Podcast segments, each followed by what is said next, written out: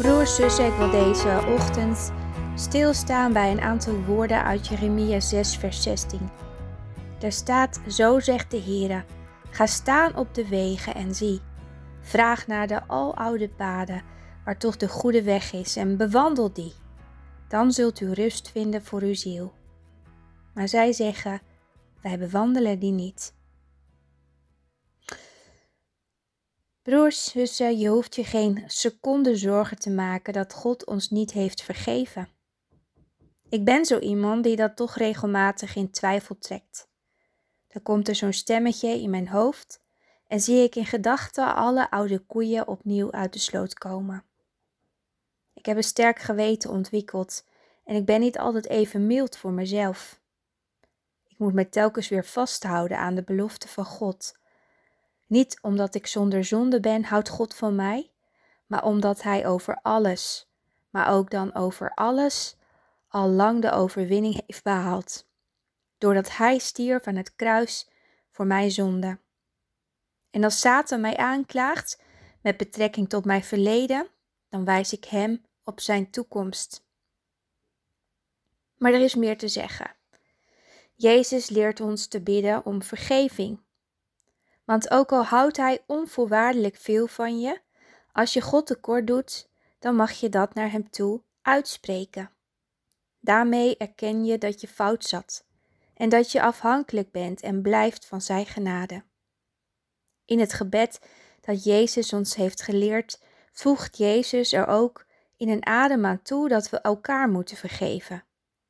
Die twee dingen kunnen we niet van elkaar scheiden. Jezus heeft een goede reden waarom wij onze zonde zouden moeten beleiden. Dat vraagt Hij zodat wij scherp blijven.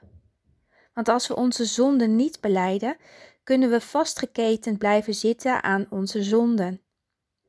Praten over onze zonde is voor niemand een favoriete bezigheid. Soms aaien we onszelf liever over de bol. Je kunt denken dat de dingen die je verkeerd doet niet zo erg zijn. In vergelijking met een ander maak jij er niet zo'n potje van, toch? Maar als dit je houding is, dan zullen langzaamaan je normen vervagen. God zegt tegen zijn kinderen dat ze op een kruispunt moeten gaan staan. Hij dwingt hen om goed na te denken over de oude wegen en vraagt hen welke weg leidt naar het goede. En die weg leidt naar rust, naar vrede naar heiligheid. Maar je leest dat het volk zich hier niets van aantrekt. Als je verder leest, zie je dat God zijn onheil uitstort over het volk. Makkelijk je eigen zonde wegpraten leidt niet tot de rust waar je hart naar verlangt. En daarom, broers en zussen, het komt erop aan dat we de juiste keuzes gaan maken in ons leven en dat we zorgvuldig ons pad kiezen.